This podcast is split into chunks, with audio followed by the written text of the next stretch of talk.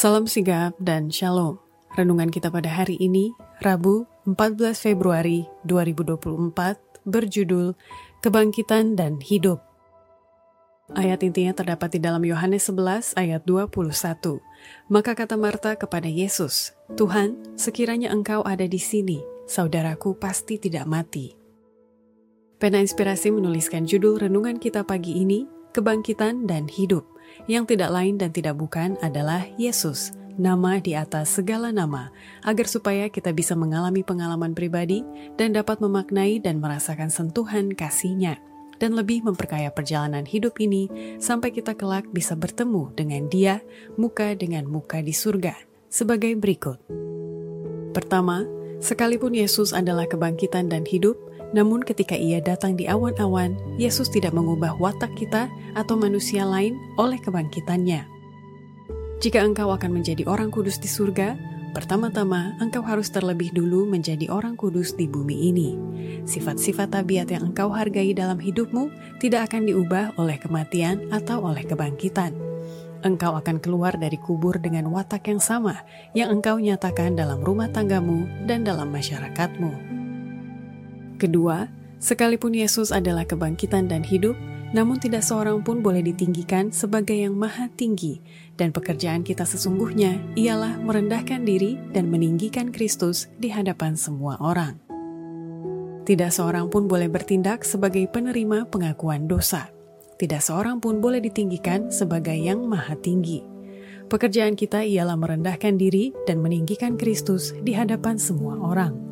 Sesudah kebangkitannya, Juru Selamat menjanjikan bahwa kuasanya akan diberikan kepada mereka yang mau pergi dalam namanya. Biarlah kuasa dan nama ini yang ditinggikan. Kita perlu senantiasa menaruh dalam pikiran kita doa Kristus pada waktu ia berdoa agar diri sendiri disucikan oleh kebenaran dan kebajikan. Ketiga, Sekalipun Yesus adalah kebangkitan dan hidup, namun kita tidak boleh hidup tanpa memikirkan akan hari penghakiman itu, sebab hari Tuhan itu sekarang sudah semakin dekat.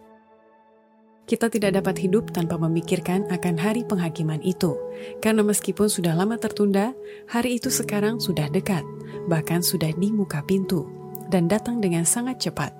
Nafiri penghulu malaikat itu akan segera mengagetkan orang yang hidup dan membangkitkan yang sudah mati. Keempat, sekalipun Yesus adalah kebangkitan dan hidup, namun dalam melakukan pekerjaan, kita perlu bekerja, berjaga-jaga, menunggu setiap hari yang bersandar pada kekuatan dari Yesus.